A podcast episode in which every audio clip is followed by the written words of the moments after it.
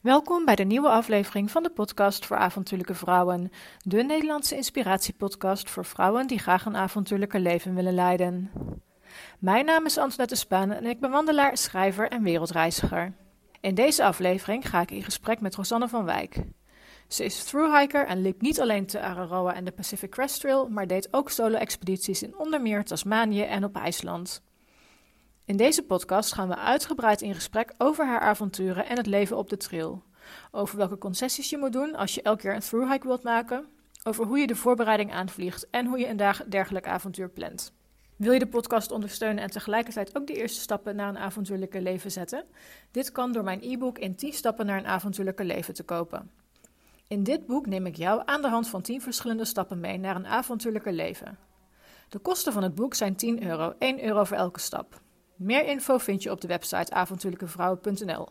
Gewoon doneren kan ook. Dit kan via avontuurlijkevrouwen.nl/slash doneren. Het gesprek met Rosanne is de laatste podcast voor de zomervakantie. In september of oktober ben ik weer terug met een nieuw seizoen. Voor nu wens ik je heel veel luisterplezier bij deze aflevering van de podcast voor avontuurlijke vrouwen.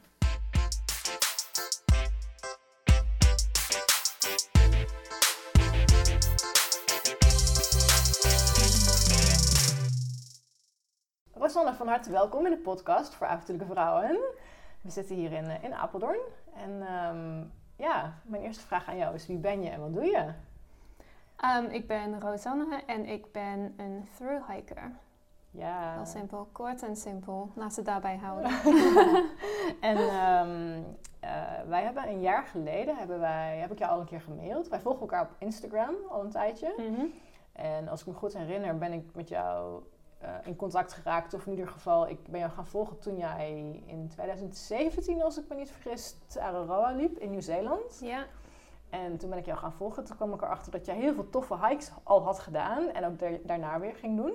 Ja, inderdaad. En, uh, maar het was nog niet zo heel makkelijk om je in een podcast te krijgen, want je woont in Londen. Ja, al 18 jaar. Dus, ja. ja. En um, toen dacht ik van, nou, ik ga je toch mailen. En uiteindelijk is het er afgelopen jaar niet van gekomen. Maar ja, nu zitten we gewoon in Apeldoorn een podcast uh, op te nemen. Ja, wie had dat kunnen? nee, zeker niet, zeker niet. Nee, en inmiddels heb ik zelf ook besloten om die Arrow te gaan doen. En uh, nou, ik ga jou uithoren over al je avonturen. Ja. Um, je bent dus een thru-hiker. Uh, of tenminste, zo heb ik op jouw sites te kijken. En jij, jij doet heel veel toffe hikes. Um, even helemaal terug naar het begin. Uh, toen jij opgroeide als klein meisje, was jij toen ook al een wandelaar? Nee. Um, mijn, nou ja, mijn ouders waren fietsers. Oh. Dus we gingen altijd kamperen en fietsen. Of uh, we hebben een paar fietsvakanties gedaan. En toen ik opgroeide, toen was ik waarschijnlijk daardoor absoluut niet geïnteresseerd in fietsen. Um, en eigenlijk ook niet echt in natuur. Ik wilde alleen maar naar een grote stad, omdat ik uit een klein Nederlands dorpje kom. Ehm, dus ik veranderde eigenlijk in een, in een soort van stadsmens in Londen. En ik was daar eigenlijk heel blij om met de metro te reizen en ehm, eigenlijk niet veel anders te doen. Ik heb wel altijd veel gewandeld. Ik, ik, ik, maar ik wandel dan gewoon in een stad en in plaats van een bus nemen ga ik lopen als ik tijd heb. Zulke mhm. dingen. Maar ik dacht eigenlijk nooit, ik dacht nooit aan wandelen of de natuur ingaan en in het gras zitten. Ik had geen interesse in zulke dingen. Nee. En dat is veranderd toen ik zo'n vijf jaar geleden besloot te gaan reizen. En ik ging naar Oost-Azië om te gaan backpacken, zoals mhm. heel veel mensen doen.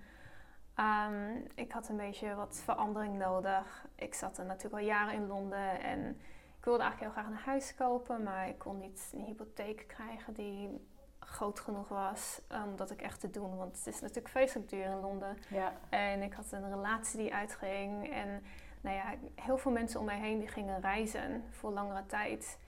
En ik wist dat reizen niet echt wat voor mij was. Maar ik werd op een dag wakker en ik dacht, weet je wat, ik ga het gewoon doen. Ja. Dus ik heb een, een reis door Azië uitgestippeld. En na een aantal maanden kwam ik iemand tegen die aan het wandelen was. Oh. En ik was in Japan en ik kwam een jongen tegen en die was het eiland van Hokkaido aan het rondlopen. Oh, dat is het meest noordelijke eiland, of van de, van de grote eilanden het noordelijkste eiland, toch? Ja. ja.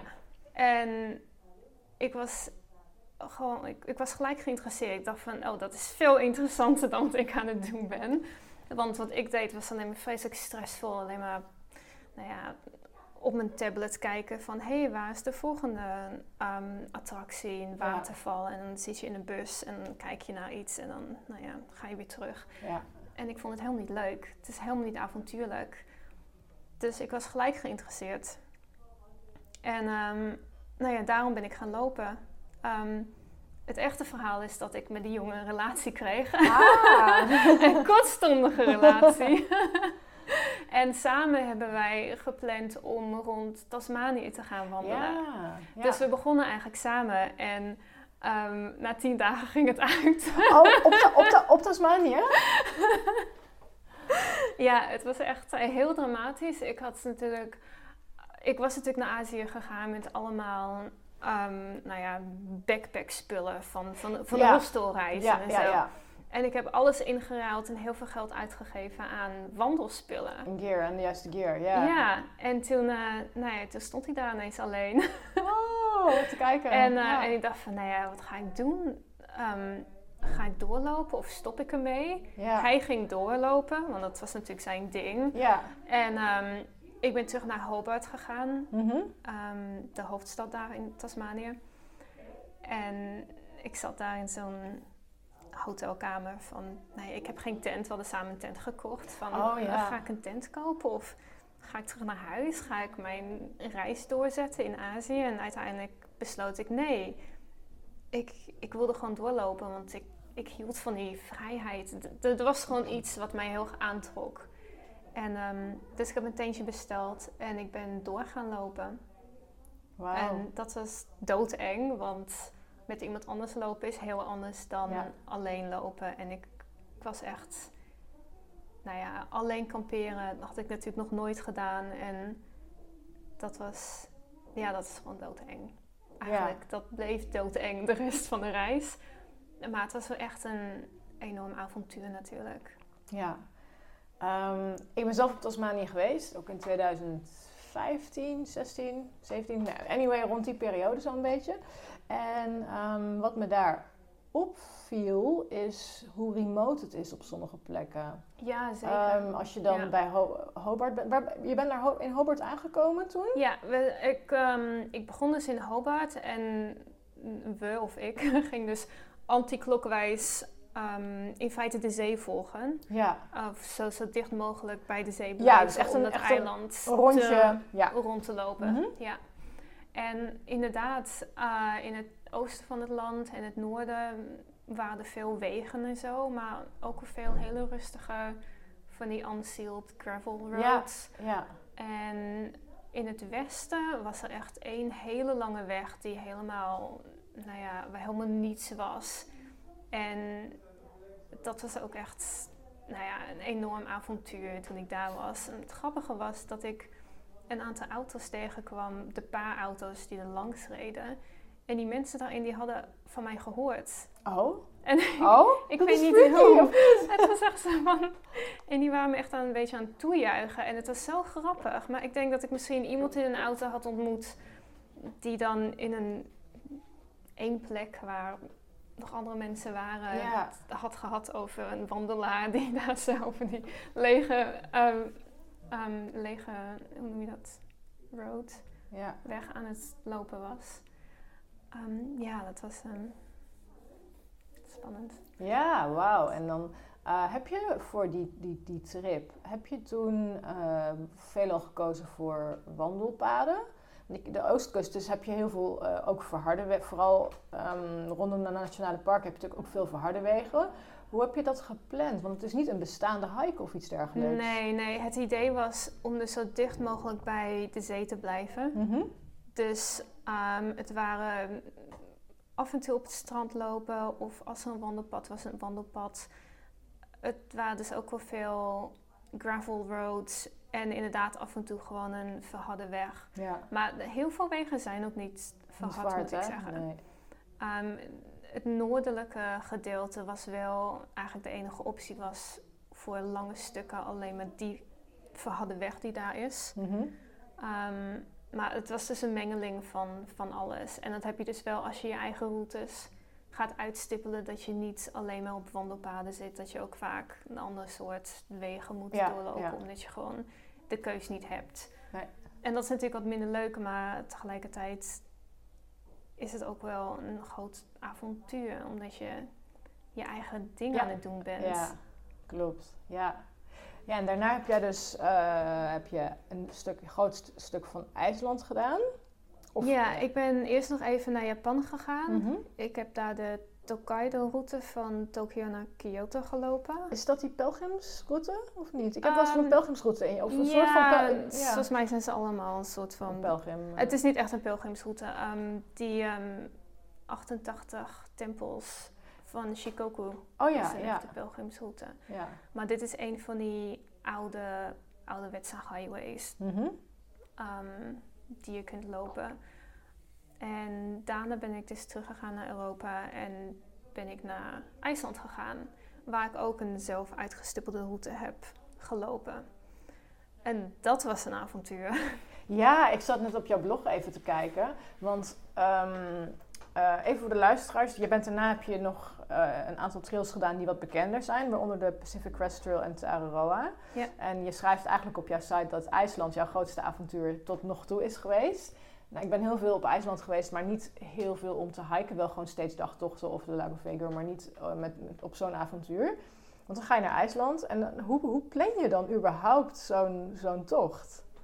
Ja, um, IJsland was redelijk moeilijk, omdat er eigenlijk ook niet zoveel goede kaarten zijn en zo. Um, Er zijn wel kaarten van, van de meest belopen gedeeltes. Um, maar ik moet eerlijk zeggen dat ik nooit geld besteed aan kaarten. um, dus ik heb, ik heb eigenlijk zo'n hele grote overzichtskaart van IJsland had ik gekocht. En ik had een beetje moeilijk uitleggen. Ik had een route gevonden op internet van iemand die een soort van lange afstandstocht door IJsland. Um, dat idee aan het uh, mee bezig was. En dat heb ik als een soort van template gebruikt. Um, en ik ben gewoon, ja, ik ben gewoon heel gaan googlen op elk gebied waar ik langs wilde lopen. Of, uh, of ik maar een kaart of een toeristenkaart kon vinden of een looppad. Ja. En dan heb ik dat gewoon allemaal aan elkaar zitten um, lijmen. Ja. Um, en mijn idee was dus eigenlijk om weer een rondje te lopen door IJsland. Mhm. Dus niet van oost naar west of noord naar zuid te gaan, wat meerdere mensen doen. Ja. Maar daarom moest ik wel steeds weer terug naar um, de ringweg. Ja. Want daar zijn de supermarkten. Klopt, ja. Dus nou ja, mijn idee was dus eigenlijk steeds de Highlands in te gaan, dus naar het interieur van het land. Ja, dus en dan, je inkopen en dan, dan deed je inkopen en dan ging je weer terug naar het binnenland of zo? Ja, inderdaad. Dus ik heb steeds, nee, ik heb in feite zitten slingen rond de ringweg, omdat ja. ik dus eten moest ophalen. Ja. Um, ja. Het is, en, en um, want dan, ik, ik, dan heb je dus een, een beeld van, oké, ik kan van A naar B, dan kies je een plek uit en dat is zoveel kilometer. En daar zal ik ongeveer zoveel dagen over doen, bijvoorbeeld. Plan je dan ook van, ik, ik, ik verwacht ongeveer zoveel dagen over zoveel kilometer te doen. En dan uh, koop ik in accordingly, dus dan koop ik gewoon voor zoveel dagen eten. Ja, plus um, vooral in zulke soort landen, als, als, het, als je weet dat het weer heel extreem is en dat er geen andere mensen zijn die jouw route lopen, um, dan doe ik altijd een halve dag extra of een dag extra eten bij. Voor het geval dat je in een storm terechtkomt. Ja. Uh, wat mij ook echt is overkomen in IJsland, meerdere malen. Um, dus ik plan altijd extra eten. Ja, ja. Voor die. Just in case. Ja. En vaak ga ik, uit, ga ik ervan uit dat ik misschien zeg 25 kilometer per dag loop, maar ik doe meestal meer. Ja. Dus ik, mijn gemiddelde is vaak iets van 30 kilometer per dag. En dan heb je wat speling daarmee als het verkeerd gaat. Ja, precies. Dus je plant eigenlijk om en nabij 25 kilometer per dag. Maar je komt er eigenlijk altijd, dat is wel vrij ruim eigenlijk. Ja, inderdaad. En soms loop je veel meer. Dus. En dan ben je eigenlijk eerder op de plek van bestemming. Of dan heb je dus de marge dat er onderweg wat op ons uh, Voor als je een dag in je tent zit in een stoortregen. Ja, ja, ja. ja. Heb je wel eens honger gehad op die trail? Ik heb altijd honger. Je hebt altijd honger. ik, heb, ik heb nooit geen honger gehad. IJsland, ik had zoveel honger in IJsland. Het was echt gewoon niet normaal. Het was ook koud en nat. Het was eigenlijk een vreselijke trektocht daar doorheen. Ja. Het was echt vreselijk. En, en alles is dood, Kaal, leeg, kaal. vulkanisch. En ja. ja, en ik bedoel, dat is als je in een auto zit doorheen rijdt, denk je, wauw, dit is zo speciaal. We zijn er urenlang aan het rijden en het is Ja. allemaal kaal. Als je loopt, dan doe je daar dagen over. Klopt. Ja, En dan ja. zie je in de verte zie je misschien één berg. En dan, nou ja, de derde dag loop je nog steeds naar die berg toe. te kijken. Ja. En het is alleen maar kaal. En, en ze hebben daar ook, dat is trouwens heel leuk, je hebt van die verkeersbordjes, hè. En om dus een picknickplek aan te duiden, hebben ze zo'n, nou ja, een stoel of een tafeltje met een boompje ernaast. oh ja, ja, ja. En ja. dan denk je altijd van, oh wat leuk, komt eindelijk een bos aan. Wat is het dan? Dan kom je eraan en er is gewoon niets. Er Er staat een tafeltje. tafel. Er is geen boom.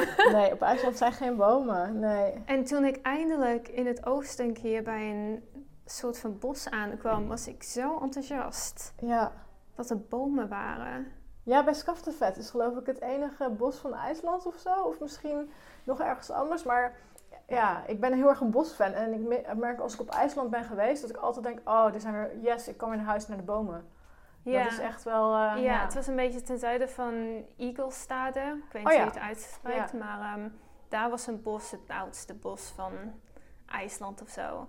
Ehm, maar je hebt niet zo door hoeveel invloed dat op je hebt. Dat je merkt dat, oh ja, je loopt in een plek waar alles dood is. En je bent daar alleen en het weer is slecht en het is koud. En je hebt honger omdat je gewoon voor te veel dagen eten moet meenemen. Dus je kunt gewoon niet al dat eten dragen. Ehm, en ja, je hebt gewoon honger ja, elke dag. ja. Ja, je verbruikt op een gegeven moment ook, ook mede door de kou, maar ook gewoon doordat je constant onderweg bent. Je verbruikt zoveel calorieën, dat kun je er volgens mij bijna niet aan eten, heb ik het idee. Nee, dat, absoluut daar is niet tegenaan te en, en dat gewicht wat je moet meenemen, dat is gewoon te veel. Om, voor hoeveel dagen deed je gemiddeld inkopen? Ehm, vaak voor een, een week of zo. Ik heb één keer voor 15 en een halve dag Wauw. eten moeten kopen. En dat was heel zwaar. Ik wou zeggen, hoe, hoe, hoe zwaar... Heb jij enig idee, als je gaat eh, een trektocht plant... ehm, we gaan het straks over gear hebben, want ik heb natuurlijk al jouw gearlisten ook bekeken en je, en je gewichten en zo. Maar als jij, hoeveel is gewicht heb jij per dag bij je aan eten ongeveer? Ehm, moeilijke vraag. Ik denk dat op dat moment mijn basisgewicht, dus niet inclusief eten, was denk ik iets van 7,5 of 8 kilo. Ehm, en wat eten erbij kwam, dat was. Ik neem aan dat het minstens 20 kilo was. Allemaal bij elkaar. Ja, ik, toevallig heb ik afgelopen weekend eens geteld en ik ging even optellen wat ik dan... Ik heb dan de Dutch Mountain Trail gedaan. In geen zin vergelijkbaar, maar gewoon gekeken van oké, als ik eh, een, een soort van ontbijtje heb en dan iets van een Snickers tussendoor en dan een cracker voor lunch of zo en dan een zakje voor avondeten. En dan kom je toch al snel bijna op een kilo per dag uit. Vijf, zes, zes, zeven, een beetje afhankelijk. En ik had vaak nog iets van notenmix of zo voor Hmm. extra energie. dacht ik, ja, je zit wel volgens mij bijna op een kilo per dag. Ja, en dan, en dan eet je nog ineens zoveel. Omdat Nee. je niet al Nee. weken aan het eten bent. Want dat is ook een probleem. Het begin, in het begin van zo'n tocht, dan, eet, dan he- heb je normaal honger. Of soms zelfs iets minder honger. Omdat je ineens iets, zoiets vreemds aan het doen bent. Ja. Ik eet dan vaak minder. Ehm, na een paar weken, dan krijg je hiker hunger. Ja, En dan be- ben je echt gewoon zo'n zo'n bottomless pit. Dat je gewoon door kunt eten en gewoon dat hongergevoel gaat niet weg. nee, dat is een- zo'n onverzadigbare honger eigenlijk. Inderdaad. Ja. Ja. En ja, je kunt zoveel eten meenemen als je wilt, maar Het gaat toch niet het over. gaat niet weg. Je hebt gewoon honger. En duurt Dus- dat, duurt dat, die hikerhunger waar je het over hebt, duurt die dan heel, du- duurt die dan voor de rest van je tocht? Bij mij wel, ja, ja. Bij sommige mensen is hij ook gelijk afgelopen als ze klaar zijn. Bij mij gaat het wel nog even door. Als je weer terug in Europa bent. kom thuis en ik blijf echt heel veel eten, ja, voor een aantal weken. Wauw, ja. Nou, en na IJsland heb je dus besloten om uh, een wat bekendere trail te gaan doen. Of eigenlijk, ja, het Aero is natuurlijk niet een gebaand pad, maar het is wel een, een iets waar een GPS-track van is. Ja, inderdaad, en waar andere mensen zijn. Dus ja. voor de eerste keer um, ja, besloot ik een trail te doen met een trail community en andere hikers. Ja. Wat heel anders is dan alleen in je uppie naar een route uit te stippelen en daar zo rond te lopen. Ja, ja, ja. In de regen. Wat, wat, wat maakte dat, jij dat, dat, dat je die uh, verandering doorging? Dat, um, van, van het echt helemaal solo doen naar een trail waarop je mogelijk een community kon opbouwen? Oh, ik wilde gewoon iets anders uitproberen. Ja. ja. Ik vind het allebei heel interessant. Um, uiteindelijk, ik, ik hou niet zo van wandelen met andere mensen. Ik hou mhm. van de vrijheid van mijn eigen tempo. En ja. lopen tot wanneer ik wil stoppen. Ja. Um, maar het, het, was ook wel heel fijn om in Nieuw-Zeeland een groep mensen te hebben die ik steeds in de stadjes weer tegenkwam. En dat je ervaringen kunt delen met elkaar. Van, oh god, hoe was die rivieroversteek voor jou? En hoe was het voor mij de dag erna? En dat is eigenlijk ook wel heel fijn om dat te kunnen doen. Maar het is heel anders. En het is eigenlijk... Aan de ene kant is het minder avontuurlijk, omdat er zoveel informatie is. En in feite heb je voor de meeste van deze trails heb je een app. En je, uh, je, je loopt het rode lijntje op je telefoon achterna. En je hoeft alleen maar te kijken van, oh kijk, er is hier een stadje in 100 kilometer, 150 kilometer. Dus nou ja, zoveel eten moet ik kopen. En voor de rest hoef je eigenlijk nergens over na te denken. Je hoeft niet van tevoren te denken van, oh god, is hier wel water wat ik kan drinken? Moet ik eigenlijk, omdat je app vertelt je dat, oh hier komt voor de komende 20 kilometer is geen water. Dan denk ik, oké, nee. Genoeg water meenemen. Ja, inderdaad. en Als, je, als je dat zelf aan het uitstippelen bent, dan moet je naar al die kleine dingen moet je gewoon van tevoren weten. Of je, of je doodgaat of niet. Ja, je moet, ja, nou, je moet water of hebben. Of je in problemen kunt komen. Of dan, wat, wat moet ik doen als ik deze berg niet overkom? Is er een alternatieve route?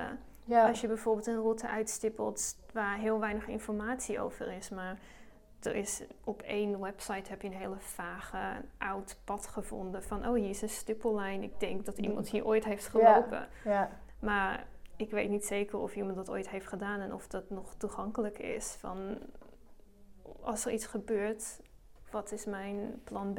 Ja, ja ik heb jouw Nieuw-Zeeland blogs ook allemaal gelezen. En uh, mijn eerste gedachte was, volgens mij heb ik het heel zwaar gehad. Of tenminste. Um, en uh, ik was ook, ik, ik, was heel erg bang, want ik dacht, oh my god, die rivier doorsteken. Hmm. Um, in het jaar dat jij het liep, was het heel extreem? Of was het, is het typerend voor Nieuw-Zeeland dat die rivier doorsteken zo enorm zwaar zijn? Weet je dat toevallig? Daar ben ik gewoon persoonlijk benieuwd ja, naar. Ja, nou, um, de nummer één dood in Nieuw-Zeeland is wel door rivieren. Mhm. Dus rivieren zijn gewoon gevaarlijk in Nieuw-Zeeland en daar staan ze bekend voor. En ik heb ook wel van andere mensen blogs gelezen in andere jaren. Ehm, dat er ook veel regen was. En, en dat sommige rivieren die voor mij echt helemaal niets voorstelden, enorm waren gegroeid. Ze zwellen heel snel op in Nieuw-Zeeland. Dus dat is echt een ding. In mijn jaar was het dus net een cycloon. Die ehm, door het land raaste. En na iets van een week van trail af te zijn geweest, um, ben ik weer teruggegaan en heel veel rivieroverstekingen gedaan. En die waren doodeng. Ja, dat was uh, na Christ... Je hebt in Christchurch gezeten tijdens de cyclone, als ik niet fris. Ja, um, Christchurch, hoe heet dat andere dorpje wat waar je dan eigenlijk naartoe gaat. Was dat hier? Methven, ja, ik denk het. Ik ben inderdaad een paar dagen naar Christchurch geweest met iemand anders. Ja. En toen besloten we weer terug te gaan. Ehm, en dat was een paar dagen na de cycloon. Ehm, en er waren zelfs mensen die in de paar dagen daarvoor ook al terug waren gegaan naar de trail. Dus ik wist dat mensen die rivierdoorstekingen hadden gedaan. Ja. Ik was ook met een paar andere mensen die um, eerder die ochtend waren vertrokken van waar we kampeerden. Dus ik wist, ik wist dat ik er doorheen moest kunnen komen. Maar um, nou ja, het was echt, die rivieren die zijn zo sterk en zo diep. En je moet echt vreselijk vreselijk uitkijken, want het is gewoon gevaarlijk. Ja. Ja. ja, dat is wel echt iets waar ik enorm tegenop zie. Omdat ik ooit op IJsland bijna echt ben meegesleurd door een rivier. Dat ik echt, ik, stond, ik stond, was klaar om op te geven. Ik, ik, het ging gewoon niet meer. Dus daar heb ik echt een soort van klein trauma aan overgehouden. Dat ik nu ook weet van oké, alles wat op Aotearoa kan gebeuren, maar die rivier oversteken, dat, uh, ja, maar goed, we gaan het wel zien hoe het, uh, ja, hoe het gaat. Ja, maar ik denk ook dat je bereid moet zijn om gewoon te zeggen, ik stop en ik zet mijn teentje op. Ja. Ik, denk, als als je eenmaal op een trail zit, is dat heel moeilijk te doen. Ja. Omdat je een plan hebt en je weet waar andere mensen zijn. En, en je zegt, ik wil 25 kilometer lopen vandaag. Ik moet hier naartoe en dan zit ik daar en dan zit ik daar. En je hebt het hele plan in je hoofd. Maar je moet gewoon zeggen, ook al is het 11 uur s ochtends, deze rivier, ook al gaan, zijn andere mensen in staat om hem over te steken. Als jij dat niet kan, dan kan je dat niet. Nee, klopt, en gewoon ja. je teentje opzetten en gewoon wachten tot de volgende ochtend. Tot hij weer is afgenomen. is ja. afgenomen. ja, dat lees ik heel veel inderdaad. In, uh, op blogs ook. En ja, ik denk ook, het, ja, wat voor jou heel zwaar geweest kan zijn, kan voor mij straks heel makkelijk zijn. En, en andersom natuurlijk, want het zal helemaal afhankelijk zijn van, uh, van de regen ook en zo. Um, ja, waar en, maar, en ook gewoon van je persoonlijke... Ja. Iedereen is anders. Ja, ja. Ja, en ik, we gaan het wel zien. Ik, uh, ik vind wel dat ik, dat is wel echt voor mij een ding waarvan ik denk, oh, dat ga ik heel spannend vinden. Maar aan de andere kant denk ik, ja, weet je, als iedereen, zoveel mensen doen het elk jaar. Dus er is ongetwijfeld, gaat het goed komen. Alleen wel met gewoon de juiste um, mindset van, oké, okay, als het niet gaat, dan wacht ik gewoon. Ja, inderdaad. En het kan ook zo uitkomen dat je een heel makkelijk jaar hebt en Ja. helemaal geen problemen Nee, hebt met daarom. de riviering. Ja, nee, dat is Dus- helemaal waar. Ja, ja en ehm, eh, nou ja, ik hoor ook heel veel mensen over de ro- roadwalking sections. Oftewel eh, dat het gewoon heel op het Noordereiland veel roadwalking is. Dus daar heb ik me mentaal ook al op ingesteld. Heb jij ze uiteindelijk allemaal gelopen, de, de road sections? Ja, ik heb besloten om gewoon de hele, de hele tocht te lopen. Um, ik hou wel van een, een onafgebroken voetpad. Mhm. En ik vond het ook helemaal geen probleem. Ik, ik snapte niet precies waarom sommige mensen dat zo erg vonden. Of waarom. Er waren een aantal reacties op ehm, de Guthook app. waar- Mhm. die de meeste mensen gebruiken om Ja. de tocht te volgen.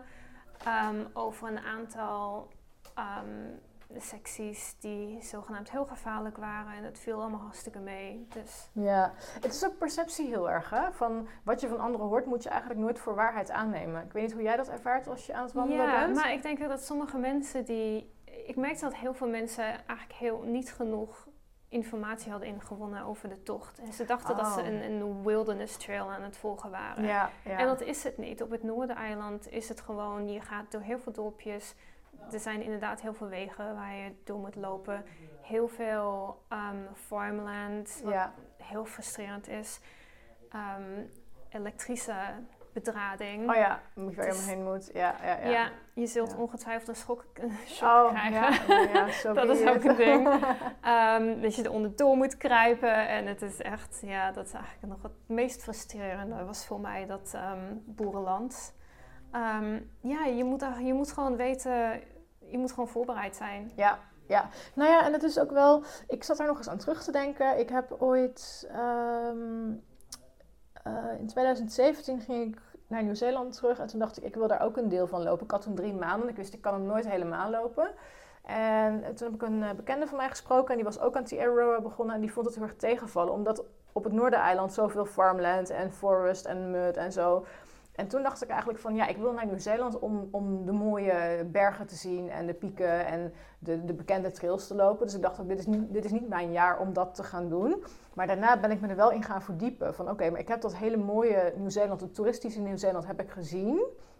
En ik weet dat Aotearoa gaat gewoon dat niet worden. Dat is gewoon een through hike die je ook langs de minder mooie plekken leidt eigenlijk. Ja. Maar ik denk dat ik me daar mentaal al wel, omdat ik er zoveel over heb gelezen, me mentaal op voorbereid heb. Dat het dus niet een aaneenschakeling van hoogtepunten is. Want dat kan volgens mij nee, ook bijna maar dat niet. is het ook nooit. En zelfs als zit je wel in een land wat alleen maar prachtig is, het, het zal steeds op en neer gaan. En je zult gewoon dagen hebben dat je sowieso vreselijk verveeld bent. En, en al is het heel mooi dat je echt daar doorloopt en denkt, ik heb dit al dagenlang gezien, van het verandert niets. En dan kun je het ook niet meer appreciëren. Dat gebeurt ook. Klopt. Dus, ja. dus al is het heel mooi, je gaat je nog steeds vervelen. ja, ja. En het, ja, ik heb zoiets van, het, het gaat ook niet om door prachtige ehm, gebieden te wandelen. Het gaat om het hele, de hele ervaring van die thru-hike die je aan het doen bent. Ja, ja. En, en het doel, een heel land doorkruisen van noord naar zuid. Ja. Nou, dat is ook wel een beetje mijn idee. Dat ik denk van, nou ja, als er...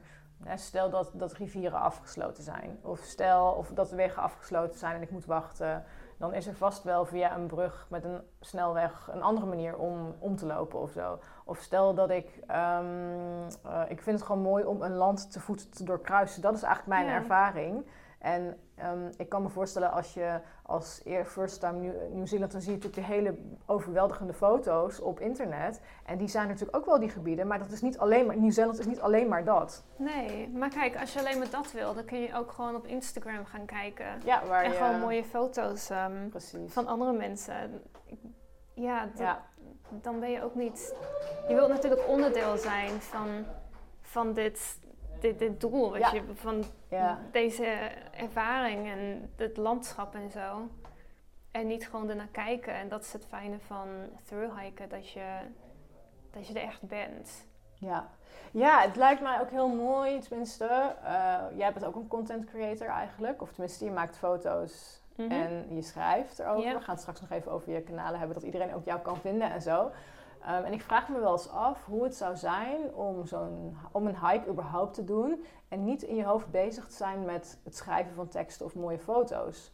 Want als content creator ben ik altijd bezig van hoe kan ik iets heel mooi vastleggen, hoe kan ik zelf in een foto komen, Ehm, hoe zou ik dit omschrijven aan mijn lezers of mijn luisteraars. Ehm, hoe ervaar jij zoiets als je op een trail bent? Ben je, is het, kun jij dat gevoel van ik moet content maken ook uitschakelen? Ehm, nou, ik zie het niet echt als content maken, want het is niet mijn beroep of zo. En ik vind het juist heel fijn om gewoon te schrijven over wat er elke dag gebeurt. En ik, ik ben daar inderdaad gewoon heel veel mee bezig. Want dat is eigenlijk ook een van de dingen die ik gewoon leuk vind aan het wandelen. Ja, is dat ja. je foto's kunt maken. Ehm, dus ik ben soms zelfs door de dag heen, als ik iets moois ervaar, dat ik dat alvast opschrijf Oh ja, ja, ja. omdat je het aan het eind van de dag vergeet je het. Of je voelt het niet meer zo intens. Omdat je gewoon al die gevoelens, die emoties die opkomen, die zijn zo rauw. Omdat je ook, alles is zo rauw omdat je honger hebt. En Ja, alles doet pijn. Dat, het is heel intensief. ja. En ik wil het juist heel ervaren. En ik moet eerlijk zeggen dat ik inderdaad ook heel veel tijd besteed aan foto's maken als ik daar ben. Ik heb zo'n klein tripodje. Ja, ja, en ja. ik zet het op een grote rots of zo. En dan ben ik ook echt soms tien minuten lang aan het heen en Oh, weer rennen. ja. Op en neer lopen voor de perfecte foto, ja. Ja, ik ben ook een, een van de weinige mensen die dat doet, moet ik eerlijk zeggen. Ehm, vandaar dat sommige mensen meer, meer in de dag lopen dan ik. Ja, ja. Want het neemt veel tijd in beslag. Maar ik vind het juist hartstikke leuk. om dat op die manier vast te leggen, ook voor Ja. jezelf. Ja, Ja, inderdaad. ja. ja en na TRO heb jij ehm, eh, de Pacific Crest Trail gedaan. Nou, die kennen de meeste luisteraars denk ik wel, want ik heb eh, twee podcasts geleden... ehm, was Ingrid in de podcast en zij is hem aan het voorbereiden. Dus we hebben het toen gehad over het proces naar het maken van een thru-hike toe. Dus ehm, ik denk dat er heel veel mensen de in, de- het zou, graag zouden willen, maar dat er maar heel weinig mensen zijn die het ook daadwerkelijk doen. Want er is natuurlijk een enorm verschil tussen iets willen doen en ook iets daadwerkelijk gaan doen. Eh, ik denk dat de PCT misschien wel een van de meest bekende hikes, through hikes op dit moment is. Ja, Eh, zeker. Is heel ehm, populair tegenwoordig. Hoe heb, Ja. je, hoe heb je die trail ervaren? Ehm, dramatischer dan ik had verwacht. Ja? Ik dacht eigenlijk... Ik wilde in eerste instantie de Pacific Crest Trail helemaal niet doen, omdat hij eigenlijk te makkelijk leek en te populair. En ik wilde eigenlijk juist weer iets, iets alleen doen, mijn eigen route ergens. Uh, maar uiteindelijk heb ik toch besloten om de PCT te doen, omdat ik dacht van, nou ja, misschien is het juist wel fijn om, om een hele andere ervaring te hebben. Een meer sociale ervaring met een trail community en al die trail towns waar iedereen PCT-hikers kent en zo. Ja. En, en dat gewoon een keer mee te maken. Maar het jaar dat ik het deed in 2019 was een heel hoog sneeuwjaar. Oh, ja. En ik begon redelijk vroeg. Ik begon eind maart. En we kwamen gewoon steeds vast te zitten in de sneeuw. Mm. Dus het was eigenlijk heel dramatisch. Ehm, eind mei zaten we nog steeds in sneeuwstormen en zo. En dan, Oh.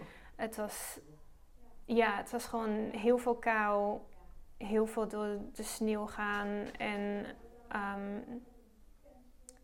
wakker worden, s ochtends met bevroren schoenen, met een laag sneeuw om je tent heen. En heel veel mensen zijn gestopt, heel veel mensen met wie ik ben begonnen, die hebben uiteindelijk moeten stoppen omdat we gewoon niet, ehm, het gewoon niet op tijd zouden halen Nee. uiteindelijk. Want je zit aan een visum vast, hè? Als, als Ja, niet-Amerikaan. en sommige mensen, ook zelfs Amerikanen, die hadden plannen om bijvoorbeeld in, in september of, of ergens in 6 september terug naar school te gaan of zo. Of naar de Oh, ja. universiteit. Ja, ja, ja. En alles duurde zo lang dat heel veel mensen gewoon opgaven. En het was ook gewoon niet meer leuk, omdat we allemaal stukken gingen overslaan waar te veel sneeuw was. En ik heb uiteindelijk ook mijn through hike moeten onderbreken. Ik ben tien dagen van de trail afgegaan en ik heb toen heel veel zitten flipfloppen. Dus ik heb allerlei stukken waar te veel sneeuw was, heb ik overgeslagen. En ik ben, mm, ik ben dus in Mexico begonnen Ja. en richting Canada ben ik vier keer heb ik hele stukken overgeslagen. Want flipfloppen is overslaan, toch? De trail eh, term, laat maar zeggen. Ja, Ja. ja. in feite. En toen ben ik dus Canada ingegaan en toen ging ik weer ehm, in zuidelijke richting Oh ja. alle stukken lopen die ik had overgeslagen. Ja. Dus toen was ik weer vier keer aan het eh, hitchhiken Oh, en zo ja. en bussen aan het nemen om toch alles te kunnen lopen. En dat was wel heel zonde om het niet gewoon in de juiste richting te kunnen doen in één keer, want het was echt mijn doel. Maar dat, dat kon gewoon niet. Nee, nee. Nee, en wat zegt dan ehm, in jouw hoofd? Want je, hè, je komt dan ergens aan en op een gegeven moment, ik, je hebt het ongetwijfeld geprobeerd en geprobeerd en geprobeerd, maar op een gegeven moment is er zo'n moment van realisatie dat je weet, dit gaat niet. Er, er is een punt waarop je besluit, oké, dit, dit gaat niet. Ehm, wat heeft je doen besluiten om te zeggen van, nou, dan sla ik over en dan kom ik later terug, versus ik ga opgeven, wat die anderen ook gedaan hebben? Ehm, er was gewoon niet genoeg reden om op te geven. Nee, jij wilde gewoon echt door. Ja, ehm, het was niet definitief een feit dat we het niet konden halen. Nee. Het, de, de, de tijd raakte natuurlijk op. Ja. Maar het kon nog wel. En ja, uiteindelijk dacht ik van, weet je wat, ik, ga, ik moet gewoon teruggaan naar de trail, naar die tien dagen dat ik weg ben geweest. En ik ga gewoon lopen. Er was op de satellietkaarten kon je zien dat er nog een, dat er kleine stukken waren waar geen sneeuw was. Mhm. Het was heel langzaam aan het dooien. En ehm, toen ben ik daar naartoe gegaan en ik kwam gelijk weer in de sneeuw terecht. Oh, je dacht, nee, niet weer. Ja, oh, dat was ook vreselijk. Toen, ehm, ja, toen kwam ik, s'avonds laat kwam ik in, op zo'n sneeuwhelling terecht. Waar ik echt doodbang, echt in een uur heb ik echt, nou ja, 100 meter eh, Oh, daar ja. eh, gelopen. En dat was echt vreselijk. Toen ben ik, uiteindelijk ben ik van het pad afgegaan, ben ik afgedaald in een bos. En heb ik daar in de sneeuw mijn tent opgezet. Ik was er, nou ja, het was doodsbang. Ehm, ja, de PCT was, dat was me nogal wat. Er waren een aantal dingen die gebeurden die, je- Ja. die je niet verwacht. Nee. Dus voor mij was het niet de sociale trail die ik had verwacht, omdat ik steeds in de verkeerde richting liep ook. Ik was steeds heel ergens anders dan waar alle andere mensen ja, waren. ja, Uiteindelijk was ik gewoon alleen. ja. En op de PCT is niemand alleen. Maar Nee, jij was toch alleen uiteindelijk? ik ja. helemaal alleen. Ja, oh joh, ja. Nou, ik heb, ik heb je ook gevolgd toen en ehm, eh, ik kan me inderdaad herinneren dat je heel erg ook aan het twijfelen was. Een beetje aan het balen was van, oh nu moet ik weer een sectie overslaan. Want dat is uiteindelijk niet waar je, ehm, waar je op rekent, ga ik vanuit. Je, je wil gewoon natuurlijk die, die, die through hike doen als through hike. Maar, maar liefst vier keer iets moeten overslaan. Dat lijkt me ook wel een, een soort van mentale uitdaging op een gegeven moment. Ja, en dan heb je ook zoiets van, hé, ik ben deze trail helemaal niet, niet meer aan het lopen. Ik ben niet meer... Dat, dat hele idee van lopend weer een nieuw landschap ingaan en je ziet alles veranderen. Ja, dat En is dan, er dan niet. En dan, nou ja, dan zit je in een auto en dan zit je ineens in een heel ander landschap. En Ja. dan heb je gewoon niet meer het gevoel dat je bezig bent met die trail. Nee, Maar ja, je moet ook je eigen, ehm, hoe zeg je dat? Ehm, je eigen limiet kennen van als ik wel deze besneeuwde berg overga, of deze, ehm, kan ik dat? En ja. wordt het gewoon het naaste wat ik ooit heb gedaan? Is het gevaarlijk? Van, eh, eh, krijg ik hier iets uit? Van wat heb ik eraan om door te gaan als het alleen maar een vreselijke nare ervaring is? En het drie keer zo lang duurt om dit te doen, want daar heb ik ook geen tijd voor. Nee, nee. Wat in jouw hoofd zegt dat. Uh, um, hoe herken je dat je bij jouw, bij jouw limiet in de buurt bent? Want er zijn ongetwijfeld momenten geweest. Ik heb van TRO heb ik gelezen dat je zegt: deze rivier ga ik niet door. Mm. Uh, nou, dat zal voor de sneeuw hetzelfde gelden. Hoe weet je, we hebben natuurlijk allemaal zo'n zo'n demon in ons hoofd die zegt, ah, dat kan jij niet, dat lukt niet, dat kan je niet. Maar toch ga je door om te proberen. Hoe weet je, uh, dat, je, dat, je dat je om moet keren of moet zeggen van, oké, maar dit lukt me echt niet? Um, ik weet niet of ik zo'n demon heb. Ik denk dat ik gewoon eigenlijk best goed weet wanneer ik klaar is. Dat het gewoon is voor mij. Ja. En ik, ik probeer mezelf niet te bewijzen of zo. Ik heb niet zoiets van, oh, ik moet dit doen omdat ik dit per se moet doen. Ik wilde hier doorgaan. Um, ik, ja, ik, ik vind dat niet zo'n probleem om, om op te geven als ik ook weet van, ik moet nu opgeven. Ja, je hebt er wel vrede mee. Als je op het moment dat jij besluit van, oké, dit is het voor mij, dit gaat niet, dan is dat ook... ook ik bedoel, het is vervelend, want dan moet je een omweg vinden. Maar ik bedoel, ik, ik ga mezelf niet um, de dood injagen, omdat ik per se een berg over wil. Nee. Ik bedoel, als het te gevaarlijk is, is het te gevaarlijk. Dat is heel simpel. En ik weet gewoon, um, ik ben ook vaak ben ik alleen aan het wandelen. En als je alleen bent, moet je ook extra voorzichtig zijn, omdat er geen mensen zijn die, die um, iemand kunnen, bellen als er iets misgaat. Ja. Dus daarom ben ik ook mogelijk iets, iets veiliger dan andere mensen. Ja. Dus ja, ik, ik denk altijd better safe than sorry. Nothing is worth giving your life for. Ja, inderdaad. Ja. Nou ja, je hebt inmiddels ook zoveel ervaring dat ik denk dat je ook wel heel goed op je intuïtie kan, uh, kan vertrouwen. Ja, dat is ook weer, dat is ook wel een zo'n ding wat je echt leert als je alleen zulke tochten doet. Je leert echt op jezelf te vertrouwen en je leert jezelf kennen. En ik denk dat dat is ook iets wat je meeneemt in het normale leven. Dat je naar jezelf kunt luisteren en kunt vertrouwen. Ja. en dan kom je weer terug in het normale leven. Mm. Uh, na zo'n hike. Hoe is dat? Mijn god, dat is echt... Ik had zo'n cultuurshock. Vooral na de Teararoa. Mm Toen ik terugkwam in Londen. Dat ik echt daar rondliep van... Waarom leven mensen dit leven? Ja. Van waarom zitten mensen de hele dag te werken en vaak overuren te draaien. Om dan eten te kunnen eten in een duur restaurant. En dan eet je het en dan is het eten op. En dan ga je naar huis. En dan koop je een duur huis of zo of een auto. Maar je hebt eigenlijk niet zoveel aan die auto. En dan, nou ja, dan koop je een nieuwe auto. En, en ik dacht van, maar, maar je hebt geen echte ervaringen waarom doen mensen dit? En ik had, het, ik had het zo sterk dat ik gewoon niets begreep van, van de wereld. waarom mensen de keuzes maken die ze maken. Want het is zo. Het is allemaal zo onbelang, onbelangrijk wat mensen doen. Eigenlijk ons, al onze levens zijn zo nietserig. Ja. Een beetje werken om, nou ja, te werken. Ja, om, ja, iemand zei het laatst heel mooi.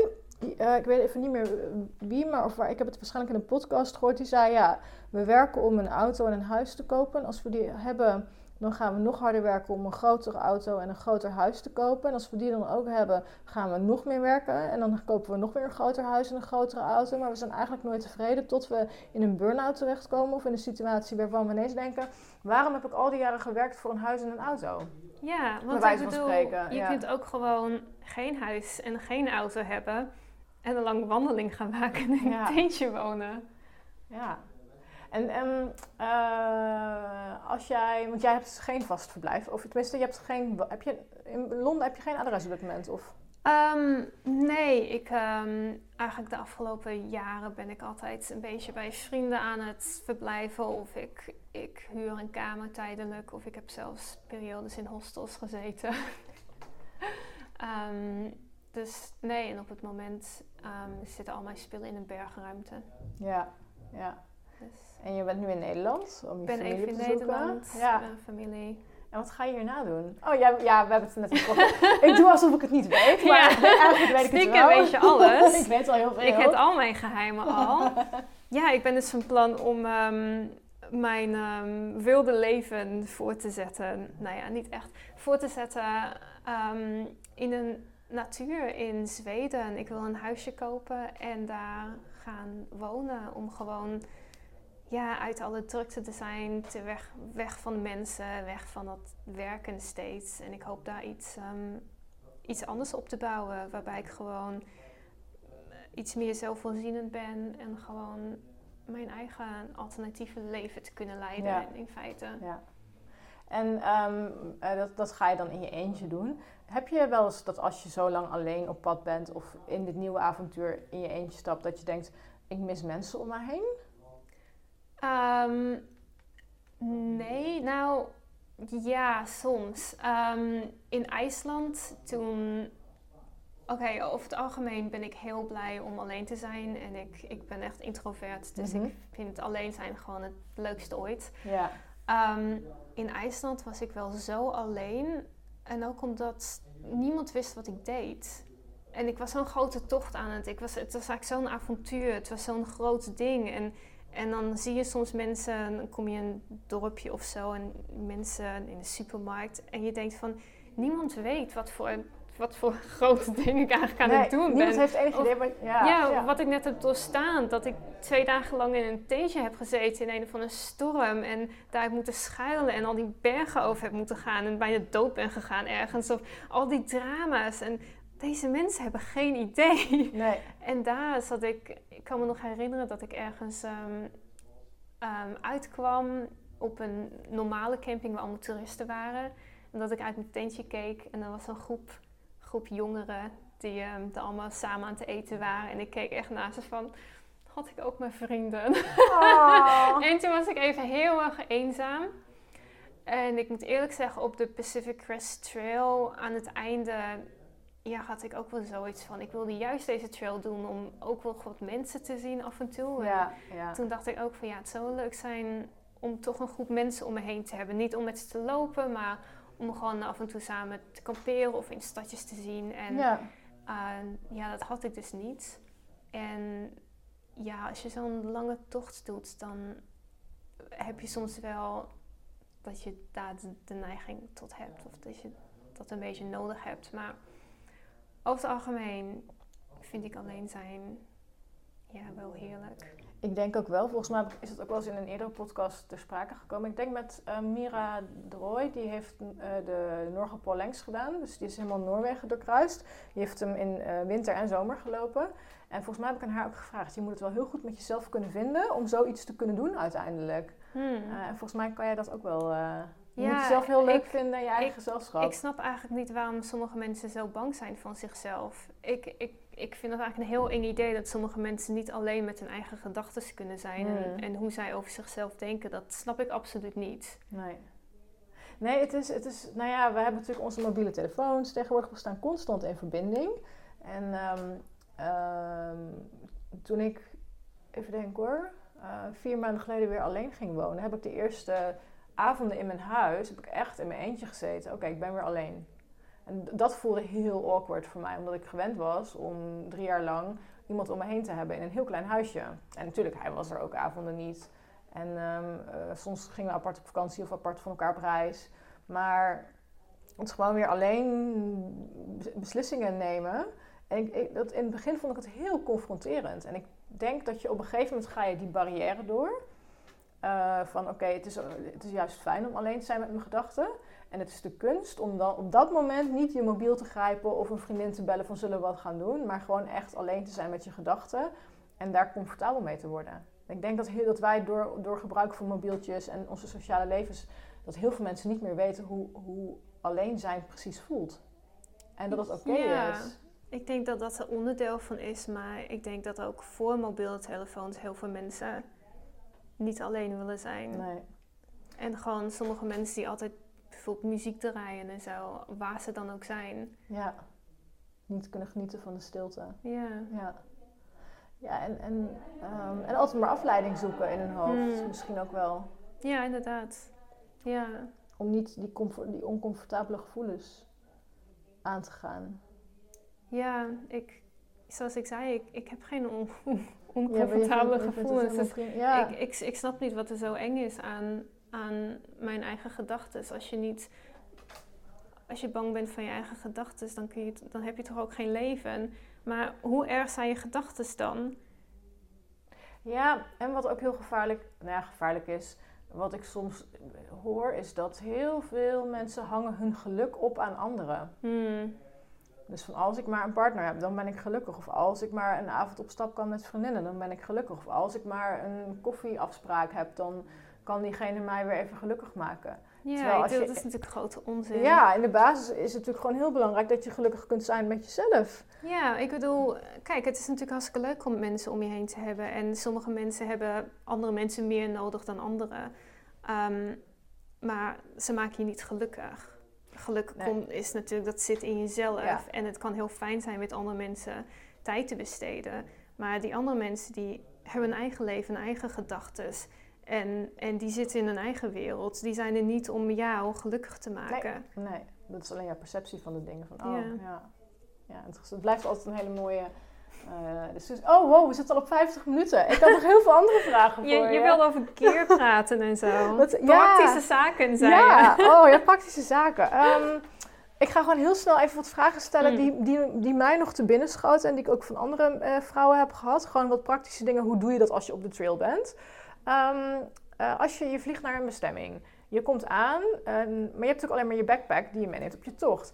Heb je ook iets van handbagage of zo? Of hoe doe je dat dan? Ehm, nou, in eerste instantie ehm, wil ik beginnen met het feit dat je als je tracking poles hebt, dat je die niet als handbagage mee kunt nemen. Ehm, sommige mensen komen ermee weg, maar ik zal het risico niet lopen.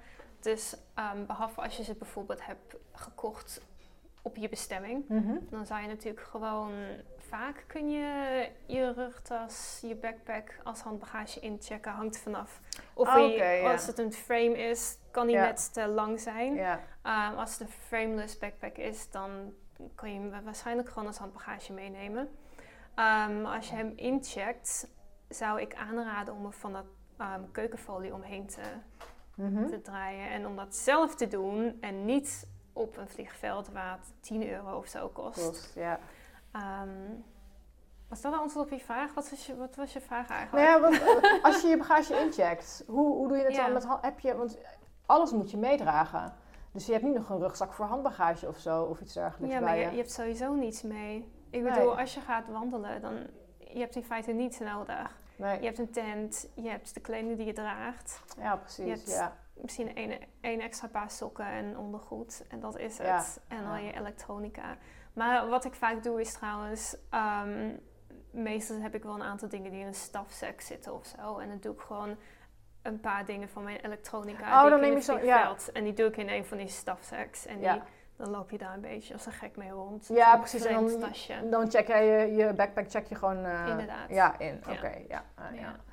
En ehm, eh, een hele leuke vraag waar ik ook een hele webinar of een eh, hele ja, een masterclass aan heb gewijd. Hygiëne op de trail. Wat gebruik jij als eh, aan, aan ehm, ja, toiletspullen? Ehm, eh, zeep, shampoo of tandpasta of zo? En zijn er ook dingen waar je op bespaart? Oké, ik heb gewoon een tandenborstel en tandpasta, want tanden zijn belangrijk. Ik denk heel veel mensen die denken van, oh, ik ga zes maanden ergens wandelen en nu hoef ik mijn tanden niet te poetsen. Nee. Ha, ha, ha. Eh, want ik hou niet van tanden poetsen en dan komen ze terug en dan hebben ze tanden van een 80-jarige. Eh, Doe dat niet. Nee. Ehm, ik heb zelfs ook nooit mijn tandenborstel in tweeën gebroken. oh, niet? Nee? Dan kun je hem gewoon niet goed meer gebruiken. Nee, dat, ik zit te denken, dat kan helemaal, helemaal Ik niet. bedoel, Nee. ik vind het zo. Ik bedoel, ik ben ook een beetje een gammajager, maar ehm, ik bedoel, dat scheelt wat 15 gram of zo. Ja, sorry, Ja. maar dan kun je ook gewoon Niet ergens anders op besparen. ergens Die anders 15 gram die gaat het verschil niet meer maken, volgens Inderdaad. mij. Ja. Dus, ehm, dus ik heb dat. ehm de standaardpoets is belangrijk. Ik breng zelf eigenlijk wat meer ehm hygiëneproducten mee dan andere mensen. Sommige mensen die hebben echt niets. En ik krijg bijvoorbeeld vaak hele droge voeten. Dus ik heb altijd een beetje body lotion. Oh ja, ja. Ik heb zelf van die hele kleine potjes waar ik dat dan in doe. Ehm, daar kan dan 50 milliliter in of zo. Dus dan als ik wat koop, dan doe ik het allemaal in die kleine potjes. Ja, Ehm, zodat ik niet te veel kan meenemen. En dus ik heb het body lotion en dat kan ik ook misschien soms voor mijn gezicht gebruiken of zo. En Ja. over het algemeen gebruik ik veel baby wipes. Oh ja, ja dus eh, de, de schoonmaak of de, de hygiëne doekjes eigenlijk, de, de vochtige doekjes. Zijn dat Ja, dan? Ja, ja, maar dan van die baby ja die wat zijn- zachter eh, zijn. zijn Ja, ja, ja.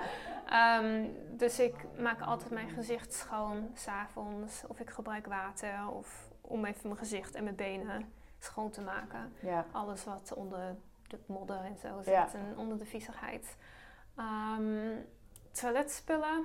Ehm, ik heb gewoon altijd toiletpapier en dus wat baby wipes als je die nodig hebt. ja.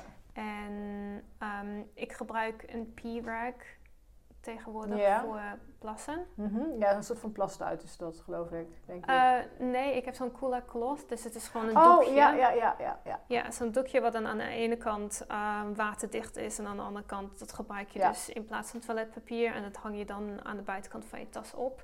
Dan, want dat bespaart gewoon heel Veel veel ruimte. Toiletpapier Ja. uiteindelijk.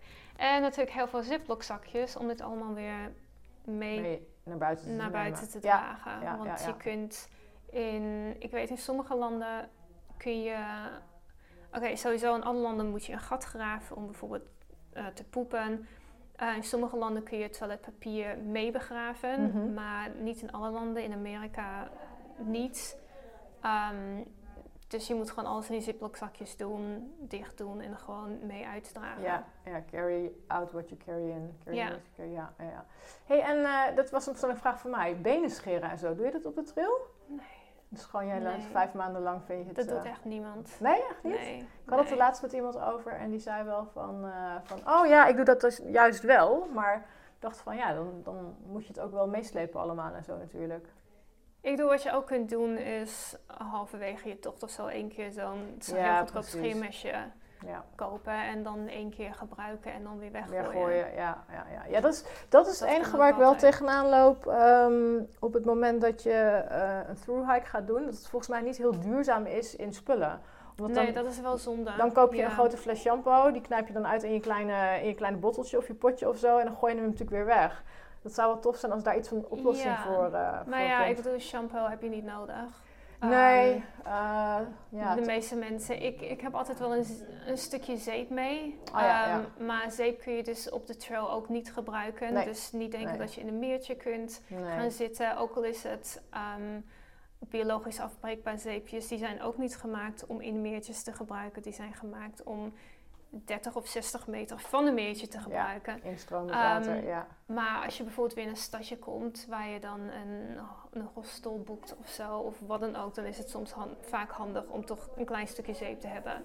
Want ze Ja. hebben niet altijd zulke In de dingen. hostels liggen, nee. Dus ehm, ik, ik heb altijd een stukje zeep, maar ik gebruik dat in stadjes. En soms koop ik dan inderdaad, als ik dan ergens ben, dan koop ik bijvoorbeeld een, een kleine shampoo of zo. En dan ga ik daar al mijn kleding mee wassen. Oh ja, ja. En dan zorg ik dat ik dat gewoon zo'n beetje opmaak. Dan ga ik zelf douchen en Ja, alles schoonmaken. ja. En dan kun je daar een beetje zoveel uithalen als je maar kunt. ja. Hey, en, want, eh, en wassen, want je hebt natuurlijk één set trail clothing. Wat trek je aan als je niet aan het wassen bent? Ehm, soms al mijn waterproofs, dus ehm, hangt er vanaf waar ik ben. Eh, in IJsland deed ik dan al mijn regenkleding aan. Dan had Oh ja, ik ja. ook een regenbroek. Ja. Dus dan zit je daar kokend heet te, te Ja, zweten. Ja. Ehm, maar soms ehm, dan hou ik ook gewoon iets aan, zoals een broekje of zo. En dan ehm, een topje en dan was ik dat later, Later met de hand of zo. Ja, Ja. precies. Ja, ja, ja, ja, ja, ja. En ehm, qua gear, je hebt best wel een, een uitgebalanceerde lijst, heb ik op jouw site zien staan. Je gaat ook stoveless, als ik me Mhm. niet vergis. Ja. Hoe ben je tot die beslissing gekomen? Ehm, omdat ik dat gewicht niet mee wilde slepen. En ik heb, ik heb dus nooit met een stoof Oh, gewandeld. nog nooit. Nee. Dus ik weet nog ineens hoe het is. Om dat te Ah, doen. Ja. Was in IJsland misschien wel leuk geweest om iets heets te Iets kunnen warms? maar dat was dus altijd koude couscous uit ziploc zakjes. Mhm. Ehm, nee, dat hele idee dat je dan weer van die kerstkennis bij moet houden van is het bijna op, is het niet bijna op en waar kan ik deze kopen? Ik had zoiets van, dit is gewoon te veel gedoe. Ik vind het al genoeg gedoe om elke week of elke vijf dagen in een stadje te komen en daar al je inkopen te moeten doen en alles te moeten kopen wat je nodig hebt. Ja, Dat gas, dat er ook nog bij, daar heb ik gewoon geen zin in. nee. Dus ik probeer het gewoon simpel te houden. Ja.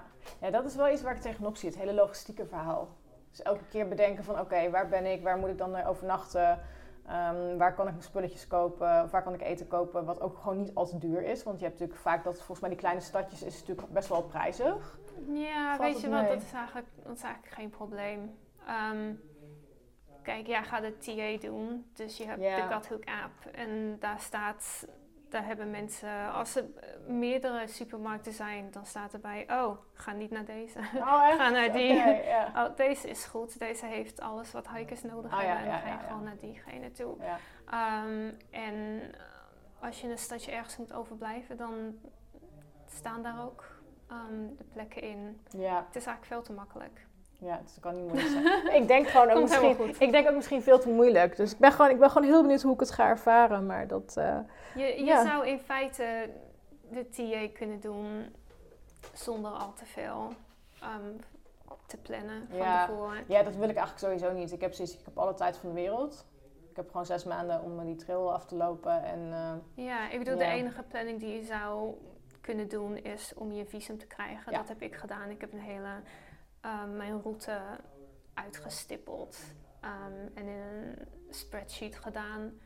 En dat ingeleverd, dat bijgeleverd bij mijn visumaanvraag. oh ja, ja, ik moet er ook nog induiken. Ik weet dat je een visum voor een half jaar kan krijgen. Maar ja, ik, heb uiteindelijk even zeven maanden gekregen. Oh, wauw, Wat heel vreemd is. Maar ik denk omdat eh, dus in mijn... Ik, ik had dus uitgerekend van... Dit gaat me zoveel dagen duren om deze route te doen. Ja, En ik denk dat, mijn, dat ik al tegen de zes maanden aan zat of zo. En daarom dachten ze denk ik van... Oh, laten we extra doe maar zeven maanden. Ja, ja, ja. Ja, ja, dat heb ik eigenlijk ook niet van andere mensen gehoord. De meeste mensen die krijgen gewoon voor zes maanden een visum. Ja, precies. maar ze zijn dus flexibel Als je schijnbaar. aangeeft van ik wil wat meer tijd hebben, dan eh, kan Ja, dat. nou ja, ze, ik denk dat ze geen vertrouwen hadden in mij. Die gaat het niet redden in zes. Dan heb je er weer zo eentje die wil gaan lopen, maar die gaat het toch niet redden in zes maanden. Inderdaad. Ja. Ehm, ik zit even te denken, wat is nog meer interessant om het over te hebben? Ja, zijn er nog eh, hikes die op je bucketlist staan? Be- hikes waarvan je denkt, ehm, want je gaat nu natuurlijk, ja, je, je gaat een beetje eh, settelen. Of ja, settelen, dat klinkt misschien... Ik ga een klein huisje kopen. Ja. Ja. ehm, maar ja, ik heb zoveel hikes die ik wil doen. Ik wil zeker ook de Noorderpaal langs doen. Dus Mhm. de, de lengte van Noorwegen. Eh, die heb ik ook al helemaal uitgestippeld. Die wilde ik eigenlijk vorig jaar doen, wat Ja. natuurlijk niet is doorgegaan. Ehm, en mijn route is ook heel anders dan wat de meeste mensen doen. De meeste mensen die volgen grotendeels de E1. En dat lijkt me nogal saai. Dus Ja. ik heb een hele andere route gemaakt die nu veel te lang is voor het aantal maanden dat ik heb. Dus Oh. ik denk dat ik hem in moet korten. Ja, Nou goed, ander verhaal. Uh, maar die is leuk omdat het natuurlijk mijn eigen route is dan. ja. En ik wil ook heel graag in Japan ehm, doorlopen. Van Mhm. Cape Soya naar Cape Sata. Het is in feite de twee uiterste Mhm. punten. ja. Dus dat zou ook een eigen route zijn. Die heb ik nog niet uitgestippeld. En ik ben ook heel geïnteresseerd in de Continental Divide Trail. Oh ja, in Amerika Amerika. is dat hè? Ja, ja, ja. Ja, ja. Dus dat zijn, laat me zeggen, de grote tochten. ja. Maar ik moet zeggen, ik heb ook eigenlijk nooit in Europa gewandeld. Dus ik dacht, misschien moet ik ook nog een keer gewoon iets korts doen in de Alpen of zo. Ja, ja, dat meemaken. Europa is ook heel mooi. Heel anders wel hoor. Tenminste, het is in Euro- Europa allemaal heel beschaafd. Overal, of nou ja, op, als je dan in de Alpen gaat, veel berghutten. Je kunt overal eten kopen. Wild kamperen is lastig. Eh, je Ja. ziet overal mensen. Ik, ik ehm, ga dan natuurlijk wel proberen wild te kamperen, Ja, want ik hou niet van hutten. Nee. Tussen andere mensen liggen. Maar eh, ja, wie weet. Ja. Ik denk nog, dat nog één onderwerp, we zitten al over het uur, dus het maakt toch niet meer uit. Maar nog één, onder, één onderwerp wat denk ik leuk is voor luisteraars om even kort te belichten, is hoe doe je het financieel gezien? Want het is natuurlijk niet zo van, oké, ik ga een trail lopen, dat kost me niks. En dus ik ben eigenlijk benieuwd naar, maak je van tevoren een begroting? Kom je daar een beetje op uit? En hoe werk je dan weer naar een volgende trail toe? Ja, ik ga er vaak van uit dat elk, elke maand van wandelen duurt, uh, kost er tussen de 1000 en 1500 pond.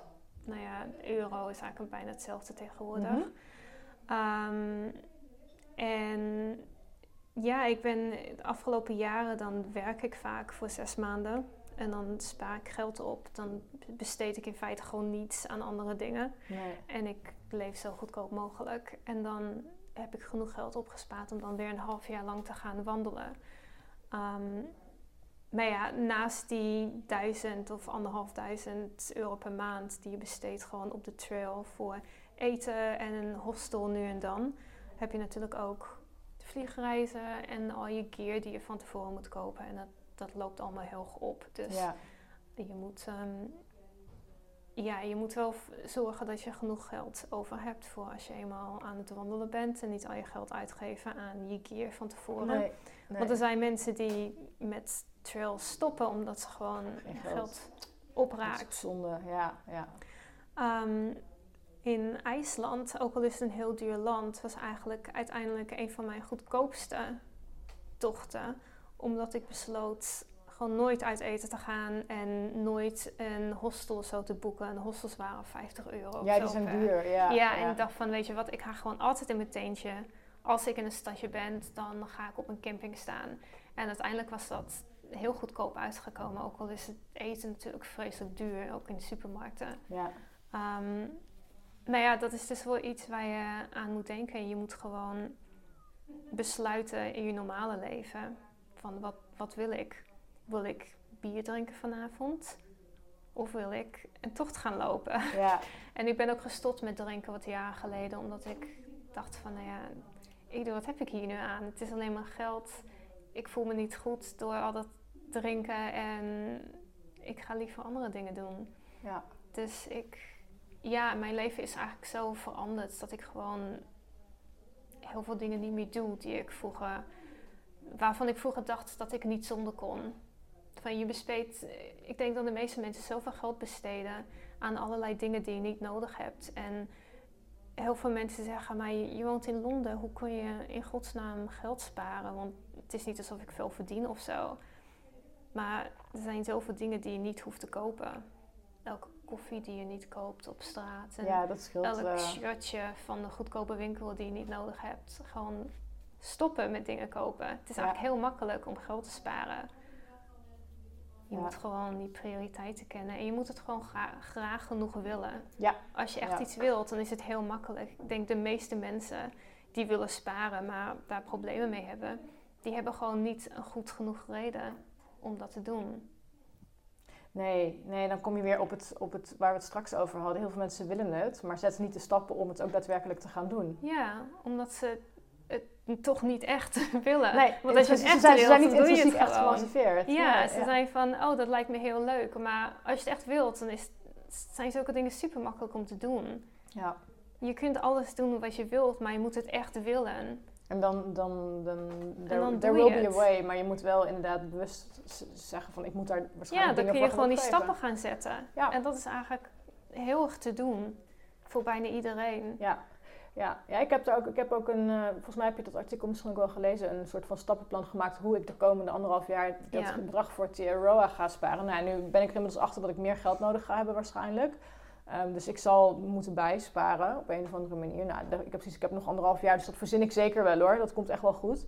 Zeker. Ehm, maar het lijkt me vreselijk om op een trail te moeten afhaken of ehm, eh, omdat je of gewoon niet meer te kunnen eten of zo, omdat je gewoon geen geld meer hebt. Dat lijkt me echt. eh, Ja, maar vergeet niet dat sommige mensen het toch met veel minder geld doen hoor. Sommige mensen Ja. die kunnen echt met maar een paar duizend dollar of zo kunnen een trail doen. ja, Ehm, dat, kan niet, dat kan natuurlijk niet bij alle trails, maar je kunt besluiten om in stadjes gewoon nooit uit eten te gaan. of uit eten te gaan en no- nooit ergens te verblijven. Nee. Je kunt, als je elektronica wil opladen, kun je in een café gaan zitten de hele dag en gewoon een koffie bestellen. Ja, Ehm, dat kan op veel plekken.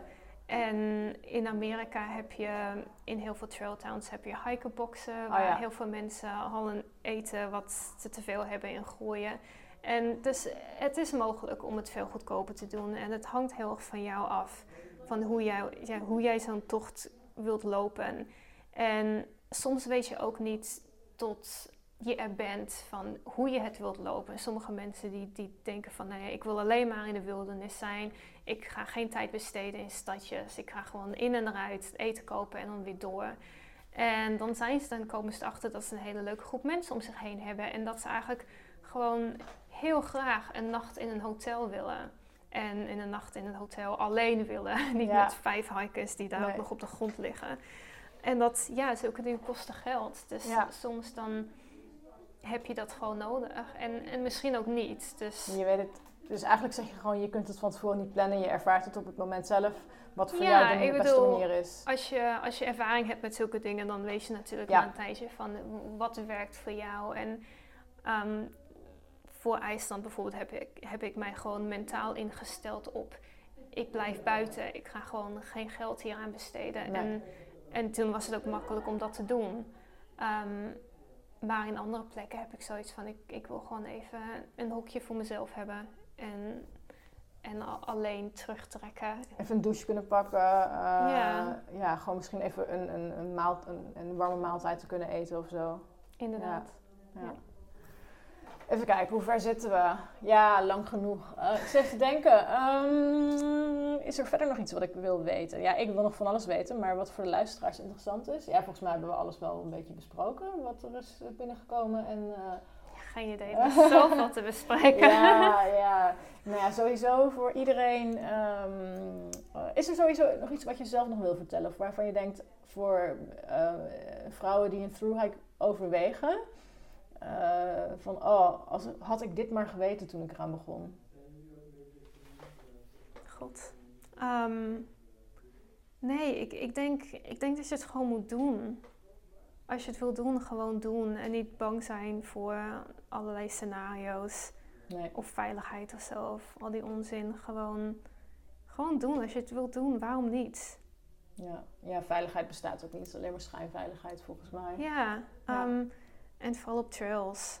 Um, veiligere plekken bestaan er eigenlijk niet. Nee, nee en, precies. Um, ja. ja, als jij dat wil doen, ga dat doen. Ja, zodat je niet later op je sterfbed spijt krijgt van had ik maar... Ja, want ik bedoel, wat, wat zou je in plaats van een, een wandeltocht gaan doen? Werken.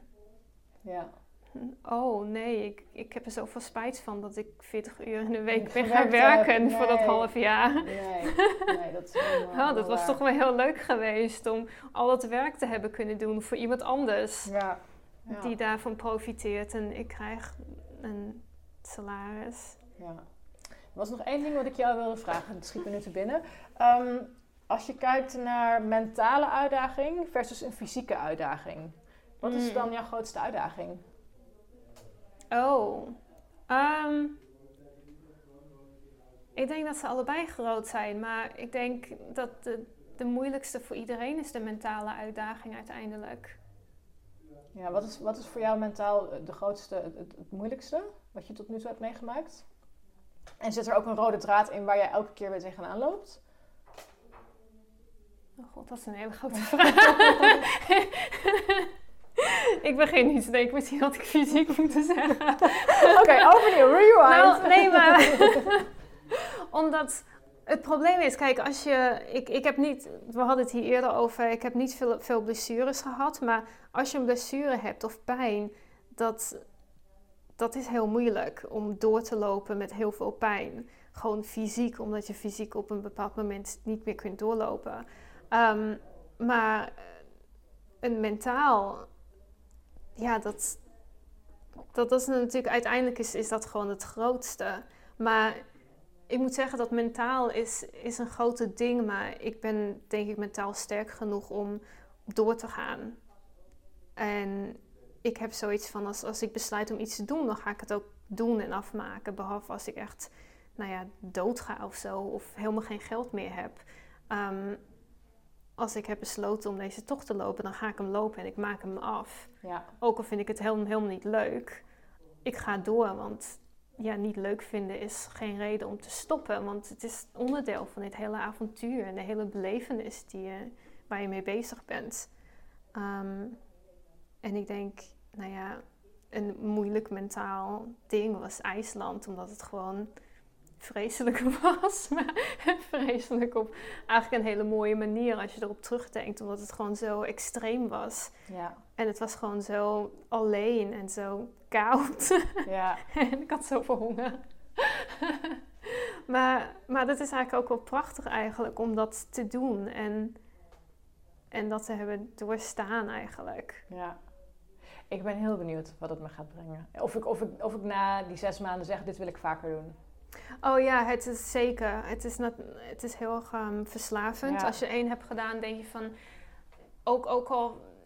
Vaak is het natuurlijk gewoon heel moeilijk. En het is leuk, ook al is het niet leuk. Ehm, maar het is ook zoiets... Het is eigenlijk zo makkelijk om dit als een soort van nou ja, vakantie te doen. Of als Ja. de helft van je jaar. Je kunt gewoon weer een half jaar gaan werken. En dan, nou ja, wat is de volgende tocht? Er zijn zoveel trails die je kunt lopen. Dat je gewoon zoiets hebt van, nou ja, ik doe mijn rugzakje op en ik ga wandelen. ja, vooral zolang het nog kan, natuurlijk ook. Fysiek Ja. gezien. Want ja, je weet niet wat het leven voor je in petto heeft Ja, uiteindelijk ook. inderdaad.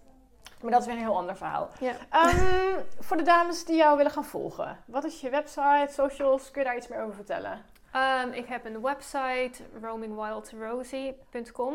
En Instagram, ook roamingwildrosie. En ik heb tegenwoordig ook een YouTube-channel. Oh, wat leuk. waar niet zoveel op staat. Ehm, ik heb er wat make your own gear ehm, video's over het maken van een, mijn eigen backpack. Oh, wat leuk. En ehm, ik heb één, één video van een korte hike die ik heb gedaan. En daar hoop ik wel wat meer mee te doen. Maar ja, over het algemeen, Roaming Wild Rosie is mijn, de naam die ik gebruik. Oké, nou ik zal je sowieso overal taggen. Of eh, taggen en de link opnemen. Dat iedereen je kan gaan volgen. En eh, nou ja, dankjewel voor dit leuke gesprek. Ik ehm, vind het tof dat we elkaar kunnen ontmoeten en kunnen spreken. En ik hoop eh, dat, je, ehm, ja, dat je nog meer vrouwen geïnspireerd hebt om op avontuur te gaan. Ja, met, je, met, je, ook. met je mooie verhalen. Ik denk wel dat jij echt een van de extreemste dames bent die ik tot nu toe heb gesproken. Als in dingen doen. Eh. Gewoon mooi om jouw jou, jou, jou kijk op dingen ook eens eh, eh, te horen. Dus dank je wel. Ja, ik hoop dat het een beetje interessant was. ik denk het wel. En nou ja, als dames nog vragen hebben, dan weten ze je vanaf nu te vinden. En er staat ook heel veel op jouw website. Je bent echt heel open over heel veel Hmm, dingen. Dus ik heb jouw website helemaal door te browsen. En er staat zoveel nuttige informatie op die eigenlijk voor elke true hiker wel, wel interessant zijn. Ja. Oké, Ja. dankjewel. En eh, ja, we zien elkaar hopelijk eh, misschien wel een keer in Zweden van de zomer. Inderdaad, dat is het plan. Yes, dankjewel. Hopelijk heb je genoten van deze podcast en hebben we je geïnspireerd om een avontuurlijke leven te leiden. Luister je deze podcast op iTunes, dan zou ik het tof vinden als je me 5 sterren waardering wilt geven. Wil je meer weten over mij of een van de gasten? Kijk dan op avontuurlijkevrouwen.nl en volg het Avontuurlijke Vrouwen account op Instagram. Ook is er de besloten Facebook community voor avontuurlijke vrouwen waar je kunt connecten met like-minded dames. Lid worden kan eenvoudig door een lidmaatschapsverzoek in te dienen. Voor nu bedankt voor het luisteren en graag weer tot de volgende keer.